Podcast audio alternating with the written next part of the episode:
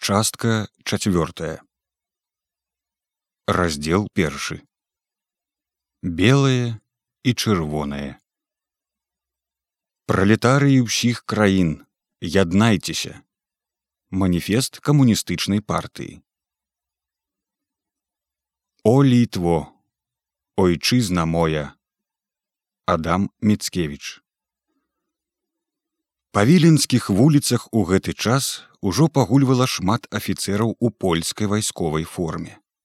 З-паміж вайсковых былі легіянеры пілсудчыкі, што папрыязджалі з аўстрыйскай арміі як капітан Йотка ці ромусь рабейка. Але больш было доўбарчыкаў з корпуса генерала доўбар мусніцкага, як паручнік хвастуноўскі. У нямецкіх часцях, што стаялі ў вільні, таксама былі палякі, пазнанчыкі ураджэнцы пазнанскай правінцыі. Можна было чакаць што і яны не выйдуць з немцамі а застануцца ў вільні і ўвальюцца ў польскія ўзброеныя сілы. Апрача таго палякі ўзбройвалі сваю дробна-буржуазную моладзь вучняў гімназістаў і розны гарадскі зброд люмпен пралетарыяў патрыётаў п'яніц і хуліганаў з паплавоў снепішак і іншых акраін горада У гэты час польская нацыяналістычная агітацыя развінулася на ўсю моц. Афіцэр частаваў сваіх пілсудчыкаў ці доўбарчыкаў ці пазнанчыкаў папяросамі і казаў: « Прыйшоў панове брацця час біцца за айчыну. Ксёндз ягомасць пан цыбулька сам прыходзіў у галодную сям'ю якога-небудзь няшчаснага дворніка, прыносіў трошку мукі, трошку павідла, żeby było czym spotkać polskiej ziemi nowy rok u polskim mieście. Ale dlatego trzeba iść wypędzać z miasta polskiego agentów Moskwy, przeklętych bolszewików. Настаўнік гімназіі ўсю лекцыю гаварыў аб вялікім гістарычным моманце, што вось ужо наступае. Горад вешча Адама Мецкевіча ізноў будзе ў польскіх руках але дзеля гэтага трэба ісці ў легіянеры. Як бывала молодзеж польска ішла ў легіёны абараняць айчыну. Пані шляхцянка з падвільні прыводзіла сыночка шляхцючочка да краўца на гэты раз да яўрэя бо свае святкавалі. Прыводзіла шыць вайсковы касцюм спатыкаць новы рок у польскім горадзе у польскім адзенні.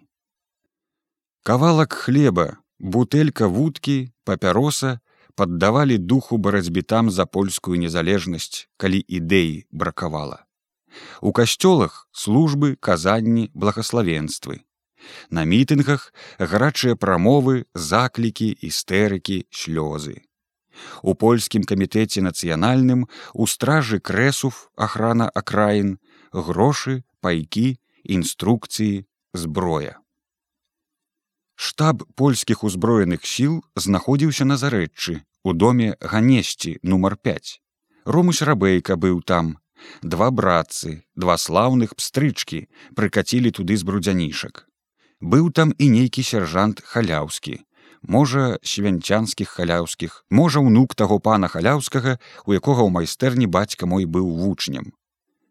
Прабаваў цягацца туды цішком ад усіх нас і дзядзька мой Антоні плахінскі Але калі нам стала гэта выпадкова вядома, дык спалохаўся і кляўся прысягаўся, што хадзіў туды толькі адзін раз да ромуся рабейкі. Сказаць паганцу, каб болей не дакучаў юзі, апраўдваўся ён, каб гэта ў нашу кватэру болей не на парог, такі псяюха, гад. Маніў стары дурань. Хадзіў пэўна не раз і не іначай як для таго, каб паразведаць, ці не знойдзецца там якой вакансыі і для яго. Але спалохаўся так, што мы з бацькам аж не маглі ўтрымацца ад смеху, калі пачаў ён апраўдвацца, хоць і брыдка было нам за яго ўчынкі. І кляўся прысягаўся, што больш туды яго ніхто і на вяроўцы не зацягне.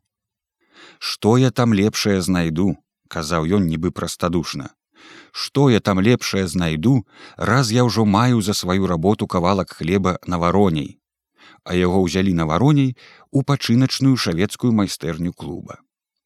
Зброю польскія арганізацыі даставалі ад немцаў у вялікай колькасці па ўмове за тое, што згадзіліся не перашкаджаць немцам вывесці шмат маёмасці як вайсковай, так і грамадскай.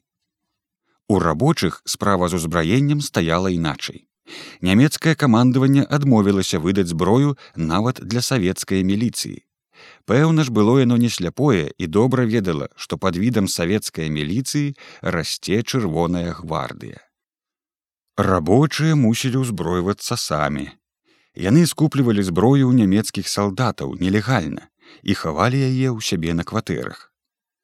З восені віленская камуністычная арганізацыя пачала ствараць сваю чырвоную гвардыю. Спярша, як я ўжо адзначаў, чырвоных гвардзейцаў было мала і былі яны пад відам рабочай міліцыі пры клубе на вароней. Былі там рускія з былых нямецкіх военнапалонных і некалькі чалавек немцаў спартакаўцаў і віленскія рабочыя палякі, літоўцы, беларусы, яўрэі. Калі адчыніўся савет, з рабочай міліцыі вырасла ўжо значна большая па колькасці міліцыя савета ці савецкая міліцыя пакуль што пакуль не ўвабраліся добра ў сілу дык ужывалі цішэйшыя назвы каб не вельмі калола ў вочы немцам і палякам. Але сапраўды была гэта чырвоная гвардыя. Адзін атрад яе пастаянна стаяў цяпер пры клубе на вароней хадзілі чырвонагвардзейцы вядома без вайсковай формы з чырвонымі павязкамі на левой руцэ ці без усякіх адзнак. Пазней былі арганізаваны яшчэ два атрады на парубанку і ў звярынцы Людзей было мала. Немцы выкачалі віленскую рабочую сілу ў нямметчыну у капальні. Моцных рабочых мала і было ў той час у горадзе. Зброю у немцаў перад самым іх адходам скупліваў для вароней таварыш высоцкі, наш фельдмаршал. Быў ён на імперыялістычнай вайне ў чыне паручніка ці прапаршчыка, дык добра ведаў вайсковую справу. Цяпер нам яго веды вельмі спатрэбіліся. Чалавек быў наогул энергічны з вайсковаю выпраўкаю з рашучымі рухамі са смелаю шыбкаю хадою. Было яму тады гадоў 28, быў высокі, худашчавы, цемнаваты шатэн. Вось і ўсё, што я ведаў, ды што і цяпер ведаю пра свайго тагачаснага фельдмаршала. Ён купляў у немцаў нават кулямёты, купіў у іх нават адзін бранявік. На жаль, не перавёз адразу на варонію, Але ж хто гэта ведаў, як справа павернецца. Быў таварыш высоцкі на чале парубанскага атрада. Камендантам на вароней быў таварыш Тарас. Горад быў разбіты на раёны. Адным словам рыхтаваліся, бо немцы вось-вось павінны былі выйсці.